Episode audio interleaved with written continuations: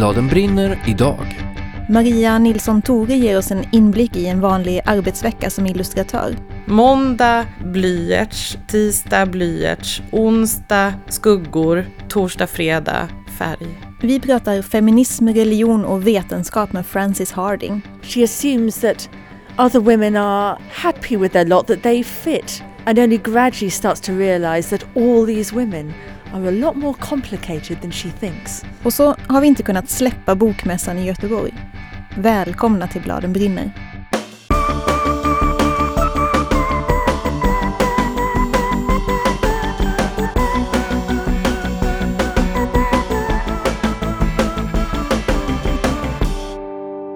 Johanna, du har träffat Frances Harding. Hur var hon? Superbrittisk. Hur är man då? Då är man väldigt vänlig, artig, intelligent, belevad och pratar jättefin brittiska. Härligt. ja, nej men hon var så i alla fall. Hon var verkligen jätte... jag kan inte säga det på något annat sätt. Så brittisk. Mm. Och nu ska vi andra få träffa henne också. Jag heter Lisa Bjärbo. Och jag heter Johanna Lindbäck.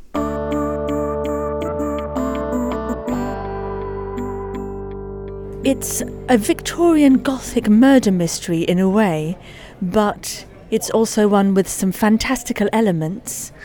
And it's a story that touches on gender, science, religion, lies and secrets. Det här är Frances Harding som ringar in sin roman Lögnernas träd. Jag ska inte avslöja för mycket om just det här trädet än, men det handlar om lögner och viktiga hemligheter. Jag kan istället berätta att huvudpersonen heter Faith. Hon är 14 och prästdotter och hon och hennes familj anländer till en liten karg ö dit de har tvingats fly mer eller mindre. Det är 1860-tal i det viktorianska England. For one thing, the Victorian period is a time of lies and secrets. It is a time when you had a lot of respectable facades, hypocrisy, people with double lives, and sometimes quite dark, sordid secrets. Um, and from another point of view, it's also a time when there's people questing for truth, where science is moving forwards in leaps and bounds, and in some cases discovering truths that people have some trouble dealing with. So it suited the tree very well, and that was also how the scientific aspects started to come in because I looked at the way your average Victorian would see this peculiar tree. And on the one hand, through a scientific eye, it's a fantastically interesting botanical specimen. Yeah. on the other hand, for any good God fearing Christian who has been brought up with the scripture day in, day out, as most Victorians would be, it's also going to be a little bit uncomfortably similar to the tree of knowledge. And Faith, the main protagonist, she's 14. How well does she fit into this time period? In a lot of respects, she doesn't fit very well. Having said that, I didn't want her to be psychologically a modern girl stuck in the Victorian period, wearing Victoria clothes and thinking, tut, why is everyone so silly? Um, I wanted her to be a product of the environment that she has trouble with. So she she has been brought up to be a good girl. She has been brought up with a lot of ideas about how girls should should behave. The fact that they they shouldn't be demanding, they shouldn't be too hungry, too curious, um, or too smart.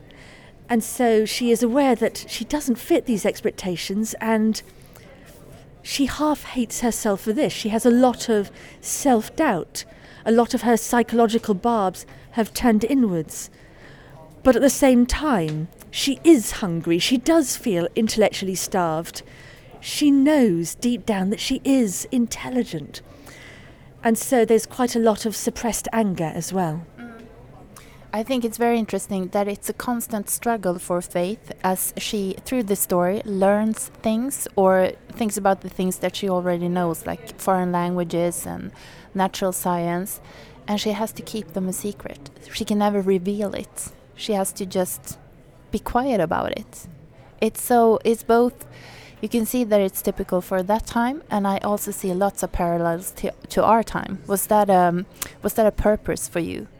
Yes, that was deliberate. On the one hand, I wanted to show the really alienating, overt, systemic sexism of the 19th century. But I also wanted to show the more subtle elements of sexism, many of which we're still facing today. So, ways in which feedback from the world is always undermining Faith's confidence. The way that she doesn't want to behave in an unladylike, ungirlish, unwomanly, too demanding, too smart way because, well, she doesn't want to alienate her family. There's, it's very human, the desire to be accepted, to be loved.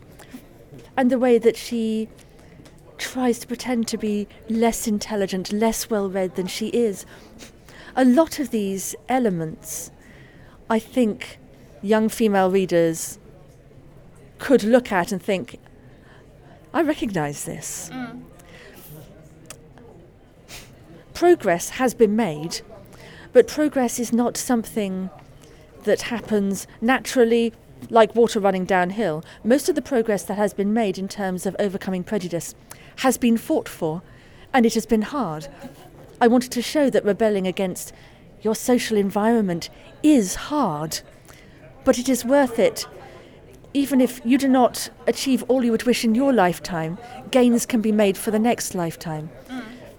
And I think it is also important to remember that these gains were hard won because they can be lost again. Mm. They are the sort of thing that need to be guarded and fought for, and we need to make sure that they are never lost. And one of the themes of this book is invisible women, a lot of whom are invisible to us historically because they never got to fulfill their potential in, in ways that they might have done. They are often just recorded in gra- on gravestones as mother of this person, wife of that person, sister of this person, daughter of X, uh, rather than uh, having a, a, a, recording of their, their own identities. Um, and all these women are invisible in many respects. Faith herself is invisible to many people and actually learns to use that to blindside many of the people that she is investigating when she is trying to find out what happened to her father. But to a certain extent, these other women are originally invisible to Faith as well. To begin with, she thinks of herself as an anomaly. She assumes that other women are happy with their lot, that they fit into the power dynamic in a way that she doesn't. And only gradually starts to realize that all these women are a lot more complicated than she thinks. Den här boken har så många intressanta ämnen. Det här med feminismen till exempel. Man skulle kunna prata länge och väl om hur kvinnor begränsades av allt möjligt på den här tiden.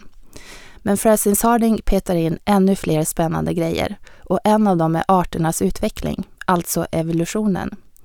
Darwin publicerade sin forskning om den 1859 och hans bevis ställer verkligen allting på ända. Fates pappa är präst, en clergyman, så för honom blir det här nya väldigt jobbigt. Well, a, a lot of people accepted the literal truth of the Bible in a way that I think a lot of modern Christians don't. So there were some people who even still believed that the world was about 6,000 years old. They, they, weren't, they weren't quite as common at that time, but there were still some. Um, and what was shocking for many people was the speed with which these theories of evolution, which had been around for a while, but as a, as a minority view, changed from being a, a minority view to mainstream in a relatively short period, most of it within 10 years. What, what was different about Darwin's publication was that he'd got 20 years' worth of evidence. He'd been collecting it for ages because he knew that there'd be an absolute storm when he released it, and he wanted to have dotted all the I's and crossed all the T's. Also, there had been other findings in geology. Geologists had basically had to come forward and say, uh, everybody, we think the Earth is a lot older than we thought it was, a lot older. And that, of course, that meant that evolution was possible.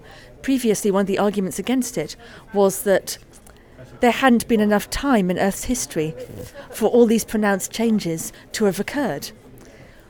Whereas if it's millions upon millions of years old, suddenly it makes sense. So this this was a massive shock to the system. And it was a shock for a lot of scientists because well of course most I mean there was not the same hard division between science and religion then that we tend to think there is now. And in fact, a lot of scientists who were generally gentlemen amateurs were also clergymen. Mm. They had been exploring the natural world with the idea that they were exploring the wonders that God had created that they could then show and explain to the populace. That This was almost a, a religious duty. And then they come across something that is completely incompatible with the literal um, interpretation of Genesis. Det är alltså mitt i denna stora konflikt mellan religion och vetenskap som Fates pappa kommer över det magiska lögnernas träd. Well, in a way, it is almost less important what the lie tree is than what characters believe it is and what they are willing to do about it. And the Reverend, the Reverend Erasmus Sunderley, Faith's father, has become obsessed with it. It is one of his greatest and darkest secrets, the fact that he has this lie tree in which he entirely believes. And because he is in these throes of religious doubt, he has started feeding the tree because he is looking for answers. Uh, he's looking for answers regarding man's origins, man's place in the universe. But unfortunately, he is looking for specific answers. He wants to be reassured. And the book is not just about those who tell lies to others.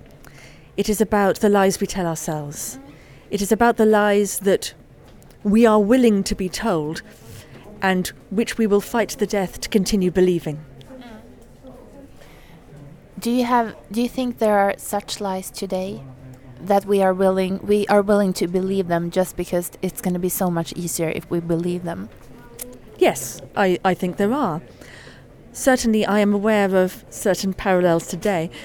Unfortunately, there are people today who are ignoring scientific findings uh, that indicate that we are changing the climate of our planet. Accepting this scientific evidence is going to be very important to Earth's future. So, sadly, I do not believe that we have outgrown that trait. Det där var Francis Harding som har skrivit Lögnernas träd. Det verkar finnas mycket att fastna för i den här boken, Johanna. Alltså så mycket. Det finns många olika ämnen. Och sen är det också det här fiffiga att man kan läsa den på olika nivåer som är så himla bra. För att om man är kanske 12-13, då tror jag att man faller för mysteriebiten, att det är det som fångar en. Och är man lite äldre, till och med lika gammal som du och jag, då kanske det är andra feminism eller vetenskap eller någonting. Så att den passar verkligen för många olika läsare. Jag skulle säga för alla. Alla borde läsa den.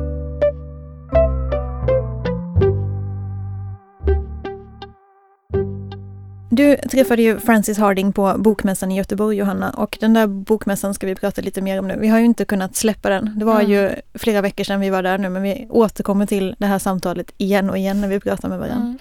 Och det var ju jättemycket debatt innan bokmässan och under bokmässan och också nu efter om, om hela det här spektaklet.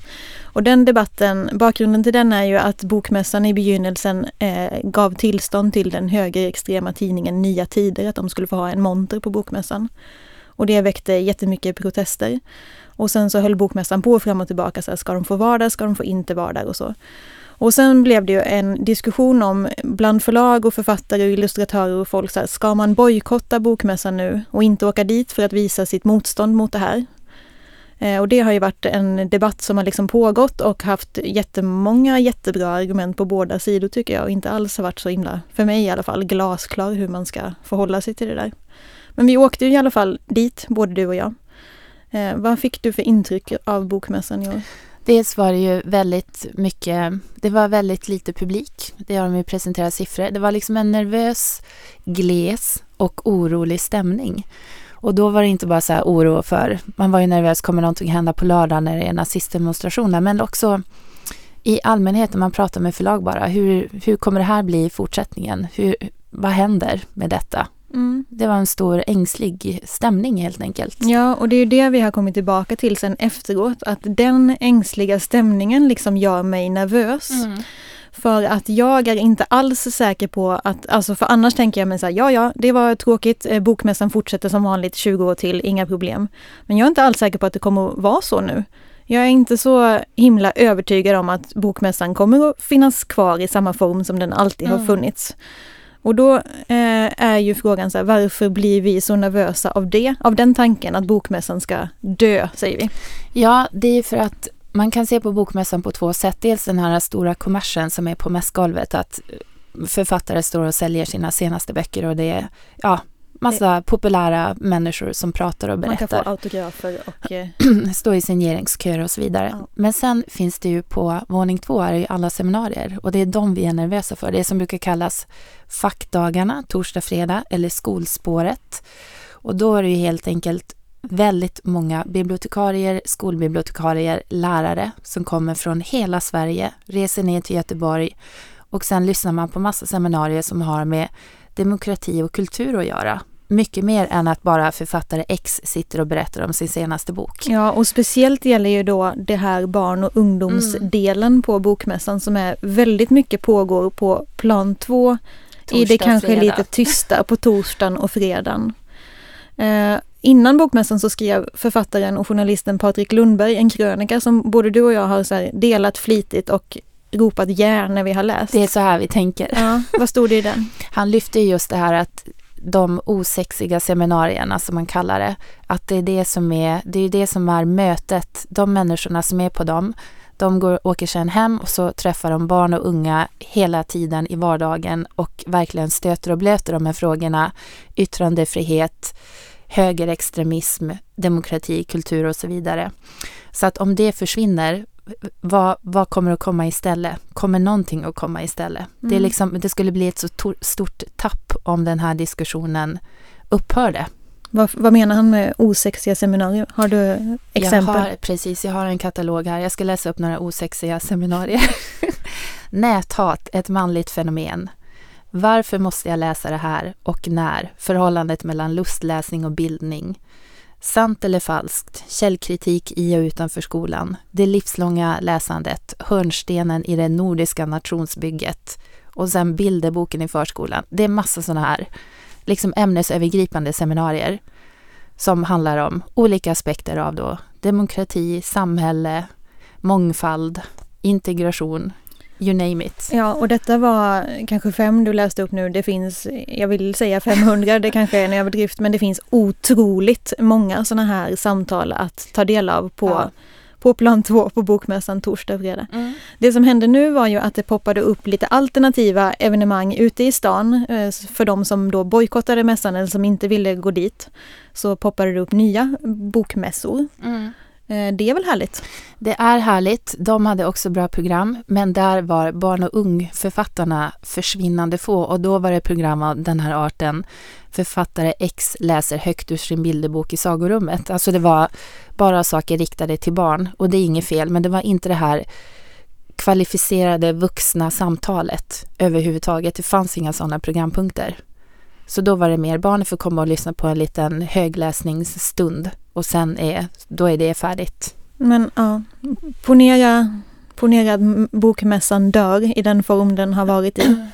Det här sam, de här samtalen, kan inte de lika väl finnas någon annanstans då? Jo, men det är det att de gör inte det. Det finns ingen annan arena. Så att Bokmässan är den största samlingsplatsen för just det här ja, men folk möts, blir inspirerade, blir peppade, lär sig saker.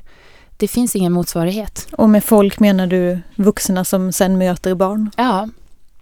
Så att eh, just för oss spelar det ingen roll. Finns Bokmässan i Göteborg, den skulle ju kunna vara vart som helst. Alltså det är inte specifikt Göteborgs bokmässa vi håller, vill hålla kvar i, utan det är den här mötesplatsen. Ja. Vad önskar du dig inför framtiden då, om du bara får önska fritt? Ja, men jag önskar kanske att det här skulle bli ett, också ett litet inslag i debatten. Eh, att, för nu känns det som att Patrik Lundberg är den som har tagit upp det här. Och andra människor har mer pratat om ja men är vi för nazism, vill vi ha detta och så vidare. Det har liksom försvunnit den här barn och ungdomsaspekten i det hela tycker jag.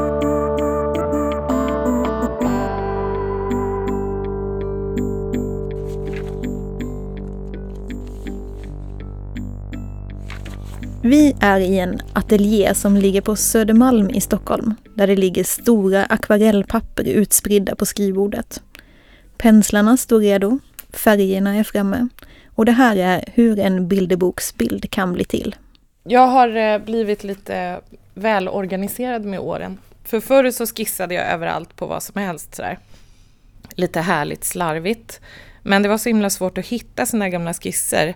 Så att jag började med eh, att ha så en skissbok med mig. Då har jag typ en skissbok per år och den har jag med mig i väskan och tar fram när jag sitter i soffan eller på föräldramöten eller så här. Det här är Maria Nilsson Tore, bilderboksskapare som bland annat har gjort böckerna Petras prick eller Bus och frö på varsin ö eller Trio Enis och en till. I höst är hon aktuell med Vem ser dim? Och jag har bett henne guida mig genom hela processen, hur en bild blir till för henne. Ja men så här. Här kan det börja. Här har jag ritat av små grejer. Det här är inte mina egna idéer, utan det här är ur... Det finns en serie på tv som heter Adventure Time, som jag och mina barn älskar. Och då fick jag uppdrag att göra, eh, göra en smörgås utifrån ett recept som hade funnits i den här tv-serien. Så ritade jag, och varje ingrediens hade ett ansikte i, den här, i det här receptet. Så det är en bröd med ansikte, tomat med ansikte, ägg med ansikte och så vidare. Så ritade jag av de här, så här bara på kul medan vi eh, försökte förstå oss på det där receptet. Och då när jag, hade, när jag hade ritat dem där och hittat dem en annan dag, de här skisserna, då undrar jag så här, men vad är det som gör de här figurerna så himla gulliga? Ja, men det är ju hur ögonen och munnen sitter på de här olika prylarna. Så då började jag själv göra utifrån en av de där, så försökte jag klura ut hur en karaktär blir som absolut gulligast. Så, här. så gjorde jag massa olika skisser. Här är glödlampor som du har personifierat. Ja men precis, det gick från eh, rostbröd, formbrödskiva med gulligt face till eh, någon slags päronblob till glödlampeblob. Och så placerade jag det här ansiktet på olika ställen för att se vad som blev gulligast. Så vann den där. Eh, så så kan det liksom börja i ingenting och så bakar jag fram den här lilla figuren. Och så tänkte jag då, i och med att jag utgick från det där receptet från den där tv-serien, så tänkte jag att eh, ja, men då liksom hamnade i fantasin i eh, köksmiljö och inuti skåp. Eh, så sen skissade jag vidare på olika ja, låter de här figurerna befinna sig i olika små miljöer, så här, i en sardinask och i en hög med mjöl och i en burk med honung. Och... Kommer det här att bli en bok som heter I skåpet? Typ, ja, jag, jag, hoppas det. Mm. Förlaget väntar lite på att jag ska strukturera upp den. Men eh, jag hoppas att den blir det. Eh, därför att så här är det också att jag börjar ju ofta så här i bild. Eh, jag har sällan en uttänkt historia. Jag kanske har frö till en idé till en historia, men jag börjar i scener och i bilder när jag försöker tänka ut min, mina historier. Eh, så att när jag visar mina skisser, då kan ju de se jättehärliga ut och förlaget blir jätteglada. Men sen när vi fördjupar oss och funderar över vad kan det här bli för bok, då avslöjas det att jag kanske inte riktigt vet det, utan jag mest har gjort lite fina bilder. Men då, så då, sen kom ju jobbet med att och, ah, bena ut historien och se vad det kan bli av det. Skisserna i den här helt sjukt snygga skissboken jobbar Maria med i olika omgångar. Det är därför, säger hon, som det hon visar mig här ser så himla färdigt ut. Bilderna här är till exempel noggrant färglagda i prydliga rutor eller uppslag och det finns texter här också, skrivna runt eller nedanför. De här skisserna tar tid, fattar man.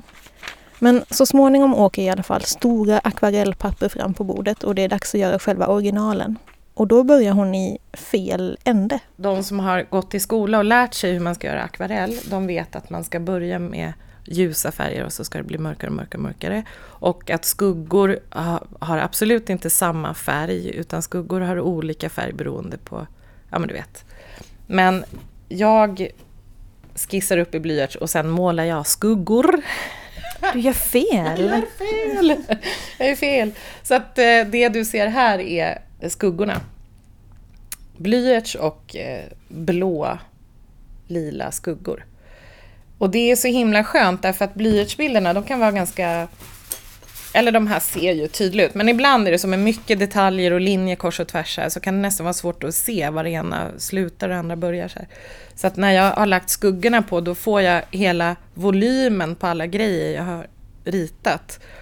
Eh, så att jag ser bilden mycket tydligare och får en känsla av ja, volymen. Och då är det lättare för mig att sätta färgen sen efteråt. Mm. Och akvarellfärg är ju transparent. Så att när jag lägger ett lager beige på den här, då lyser den här skuggan igenom. Den får lite av det beige blandat i sitt gråblå. Eh, så all, hur många lager jag än lägger så lyser de igenom varandra. Så, då, då, så jag börjar ganska tunt och sen så gnetar jag på med ganska många lager färg. Eh, ja, jag går på med ett ljust och så lite mörkare och så gör jag lite rosa kinder och lite... Ja, jag går på hur många gånger som helst. Och det är därför jag jobbar sig igenom nästan alla original, gör alla skuggor på alla original. Därför att jag måste jobba med massa uppslag parallellt. För att annars måste jag sitta och vänta på att färgen torkar innan jag kan göra nästa lager. Så att då liksom jobbar jag på flera samtidigt. Eller så tar jag fram lilla hårtorken till alla. Det är kanske därför det alltid de som sitter mitt emot mig flyttar härifrån. Okej, okay, så då kan du ha liksom, ja men idag har jag haft en skuggdag när du har ja. bara målat skuggor. Ja men jag har, jag kan, ibland, jag låter mer och mer strukturerad, jag tycker inte att jag är det, men jag är väl det. Därför att ibland när jag så försöker förstå, hur lång tid ska det här ta? Hur mycket tid ska jag ägna åt det här? Då kan jag skriva så här, måndag blyerts, tisdag blyerts, onsdag skuggor, torsdag, fredag eh, färg. Så kan mina så här, list, veckoplaneringar se ut. Och så bockar jag för så här, klutt, klutt. Fast de håller aldrig. Men, det, men så är det. Då kan jag sitta en dag. Ja, ibland säger jag till mina barn när, när man frågar dem vad de har gjort och så frågar de så här, vad har du gjort mamma? Idag har, jag, idag har jag målat brunt. Så är det ganska många dagar. Särskilt när jag har gjort de här myrslågsböckerna. Då är det många dagar som jag säger, hej idag har jag målat brunt och lite ljusgult. Hinner du tröttna på brunt och ljusgult då? ja, ja, jag tröttnar. Hela, det är så himla kul när jag har berättat för... Eh, eh, alltså, jag har varit på olika ställen, på någon, haft någon workshop och pratat med en elev på Kulturama som var här på studiebesök och så här. Och då när jag berättar om mitt jobb och min arbetsprocess, då inser jag att den bygger väldigt mycket på att jag tröttnar och längtar till nästa grej. så att ja, jag tröttnar ganska ofta. Men grejen är att när jag tröttnar, då börjar jag ju längta. Och då blir det tydligt vad jag längtar efter och då blir nästa grej jag gör jätte, jättekul. Och det är väl inte så unikt, men, det, men precis så där har jag börjat förstå att det är exakt så där jag drivs framåt hela tiden jag hatar det och så längtar jag efter något annat och så älskar jag det och sen börjar jag hata det och då längtar jag efter något annat. Det är så det blir nya böcker här i ja. världen. Ja. Eh, Okej, men den här eh, Vem ser dim som du är aktuell med nu, mm. där är det ju så otroligt härliga höstfärger tycker jag. Det känns som att man bara dyker ner i en svensk höstskog. Och det är mm. väldigt mycket grönt. Har du varit trött på grönt till exempel? Ja, till exempel. och när jag gjorde den nu minns jag inte exakt vad jag gjorde innan, men jag är rätt säker på att det var eh, utspela sig inomhus. Och att jag gjorde, som jag ofta gör, så här, kuddmönster och liksom prylar. Och då vet jag att jag längtade extremt mycket efter att måla utomhuset. Och eh, jag ville bara göra skog. Det var, det var det som var fröet till den här boken, Vem ser dim?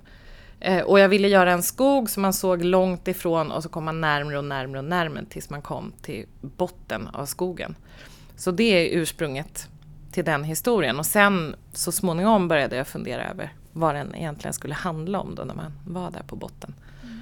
Eh, jag tänkte vi skulle prata lite om ordet gulligt, för nu när du kollade i din skissbok så sa du så här, här försökte jag göra en så gullig figur som möjligt. Mm. Och det där ordet är ett ord som jag tycker att illustratörer verkar ha väldigt olika inställning Mm. till. Hur känner du inför ordet gulligt? Jo, det ska jag berätta.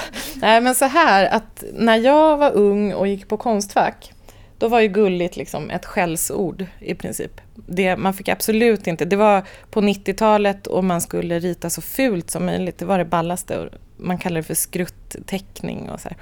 Man skulle rita så lite så här naivt och skevt och fult. Det var asballt. Och jag kämpade och kämpade och kämpade så här och försökte få hitta min stil liksom och jobba lite så här rufft och lite balt. Men eh, sista året jag gick där så var det något som släppte. Där jag kände plötsligt att eh, jag orkar inte. Jag, jag, när jag var liten och ritade, då gick det ju alltid ut på att rita så fint som möjligt. Och, och gjorde man det så älskade alla det man gjorde. Så här. Åh, och det var det man, jag var bäst på, att rita finast av alla. Så här. Och så kände jag plötsligt så här, men det är ju det jag har tyckt om med att rita jämt. Att göra så fint och så noga jag bara kan och rita innanför linjen och du vet så här superfint. Så då började jag tillåta mig själv att göra det. Och så började jag, så nästan så här argt bestämde jag mig för att jag, man får faktiskt rita gulligt och fint och noggrant. Eh, och så var jag lite arg i några år eh, och nu känner jag mig så här helt bekväm med det. Jag har jättemycket så här eh, när jag ritar för, helt för min egen skull, då kan jag rita ganska så här, eh, morbida och brutala och svarta grejer så. Men eh, jag älskar att rita så gulligt som möjligt. Där hörde ni Maria Nilsson Tore som är aktuell i höst med bilderboken Vem ser dim? Vi har kommit till det spännande momentet boktips. Mm. Vad vill du tipsa om idag? Jag kommer att tipsa om en bok som heter Risulven, Risulven av Nina Ivarsson. Och den här är lik, har du läst balladen om en bruten näsa? Ja. Arne Svingen? Ja. Den här boken är ganska lik den för att det är misär, social misär och man får sakta men säkert pussla ihop vad som händer och hur det händer. Den är skitmörk. Den är så tung och svart. Och eh, då kanske inte det här låter så tipsigt. Men den är också fantastiskt bra. Ja, och den är, den är en 9-12 bok. Kommer inte att passa alla. Men jag tror att när den passar så passar den väldigt, väldigt bra. Och det finns en grej som lättar upp den och det är att Nina Ivarsson som har skrivit då, hon har så otroligt bra gehör i dialogerna. Så att även fast det är fruktansvärt tungt så känner jag att med en annan författare så hade det bara kunnat bli helt, jag drar en säck över mig och kommer aldrig upp igen. Men genom att hon är så, hon är så skicklig så kan det liksom lätta upp lite grann där. Förstår du hur jag menar? Ja. ja. Verkligen, jag vill tipsa om den. Ja. Ja, Intressant. vad säger du? Jag vill tipsa om en bok som heter Haj-Jenny som är skriven av Lisa Lundmark och som har bilder av Charlotte Rammel. Och det är en bok för 6-9-åringar. Antingen kan man nog läsa den själv om man är hyfsat bra på att läsa eller så kan man få den läst för sig. Eh, och det handlar om en tjej som heter Jenny som är ett introvert barn. Kanske även att hon är blyg. Men det går väldigt mycket ut på att lärarna till exempel säger till henne så här, räck upp handen, prata högre, ta lite mer plats. Och att, Som före detta lärare känner jag mig skyldig. ja, och att Jenny sitter i klassrummet och bara, men jag vill inte räcka upp handen. Jag vill inte prata högre. Jag har fullt upp med den fulla volymen som jag har inuti mitt huvud och alla berättelser och tankar som pågår där inne. Och det handlar inte alls om att hon är olycklig och liksom mår dåligt, utan det handlar mer om att hon vill få omgivningen att fatta att så här kan man också vara. Jag är en haj, tänker hon. Jag simmar ensam i havet och jag är nöjd med det.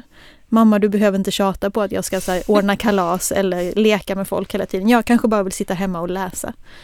Och jag, som, om man har läst till exempel Jag är jag av Emma Ardbåge som också är en kapitelbok för den här åldern då, och gillat den, då kommer man också älska Hajenny för att det är, liksom, det är de här två kapitelböckerna som handlar om introverta barn som finns. Mm. typ. Och jag tänker att det här är böcker som verkligen, verkligen kan göra skillnad för den här, den här typen av barn som ju också finns och eh, liksom tänker jag mig, kämpa på ganska mycket med att här, få en plats i det extrovert anpassade samhället. Mm. Finns i varje klass. Mm. Mm. Superbra är den. Två fina böcker. Mm. Vi fortsätter med Frances Harding. Det här var hennes tips. Since we are at, on the subject of feminism and historical fiction, there is a book recently published in the UK by uh, an author called Sally Nichols that is very good and very readable. And it is about the fight for women's suffrage just before the First World War and a little bit after it, um, from the point of view of three teenage girls. And they are from different factions, and they all have their own problems. Um, and it's it's one get uh, it managed to give a sense of the time and the drama of the time and quite a complicated social situation whilst being quite fast and quick to read and you really care about these three girls. And what's the title of it? Things a bright girl can do. Så här lät det när jag frågade Maria Nilsson Tore. Ja, du, du frågade mig det i förväg och jag försökte tänka till så här och vara lite special. Men eh, jag, jag kom fram till helt enkelt att för mig nu som förälder så har jag återupplevt alla kapitel, Mumin-kapitelböcker. Och för mig och för mina barn så har det varit så helt fantastiskt bra. Jag tycker att de är helt, helt, helt fantastiska. Framförallt nog Muminpappans memoarer. Den kan jag varmt rekommendera.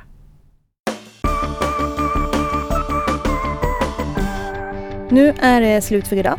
I nästa program ska vi prata om sex och mansroll med Hampus Nessvold och om skalbaggar med brittiska MG Leonard. Bladen brinner görs i samarbete med Dieselverkstadens bibliotek. Och en massa bokförlag som heter Rabén och Sjögren, Bonnier Carlsen, Alfabeta, Opal, Lilla Piratförlaget, B. Wahlströms, Bergs bokförlag, Nypon förlag och Natur och kultur. Tack alla ni! Tack också till Gustav Edman på Fabel som producerar och Håkan Lidbo som har skrivit musiken. Tänk nu på när du har lyssnat att det finns ingenting i världen som Johanna och jag tycker är godligare än när liksom diskussionen fortsätter efter podden. Så vi finns på Facebook eller Instagram. Leta upp oss där. Gå in och starta någon slags debatt. Tyck någonting. Säg någonting. Det är jättekul tycker vi. Bladen brinner podcast heter vi på Instagram.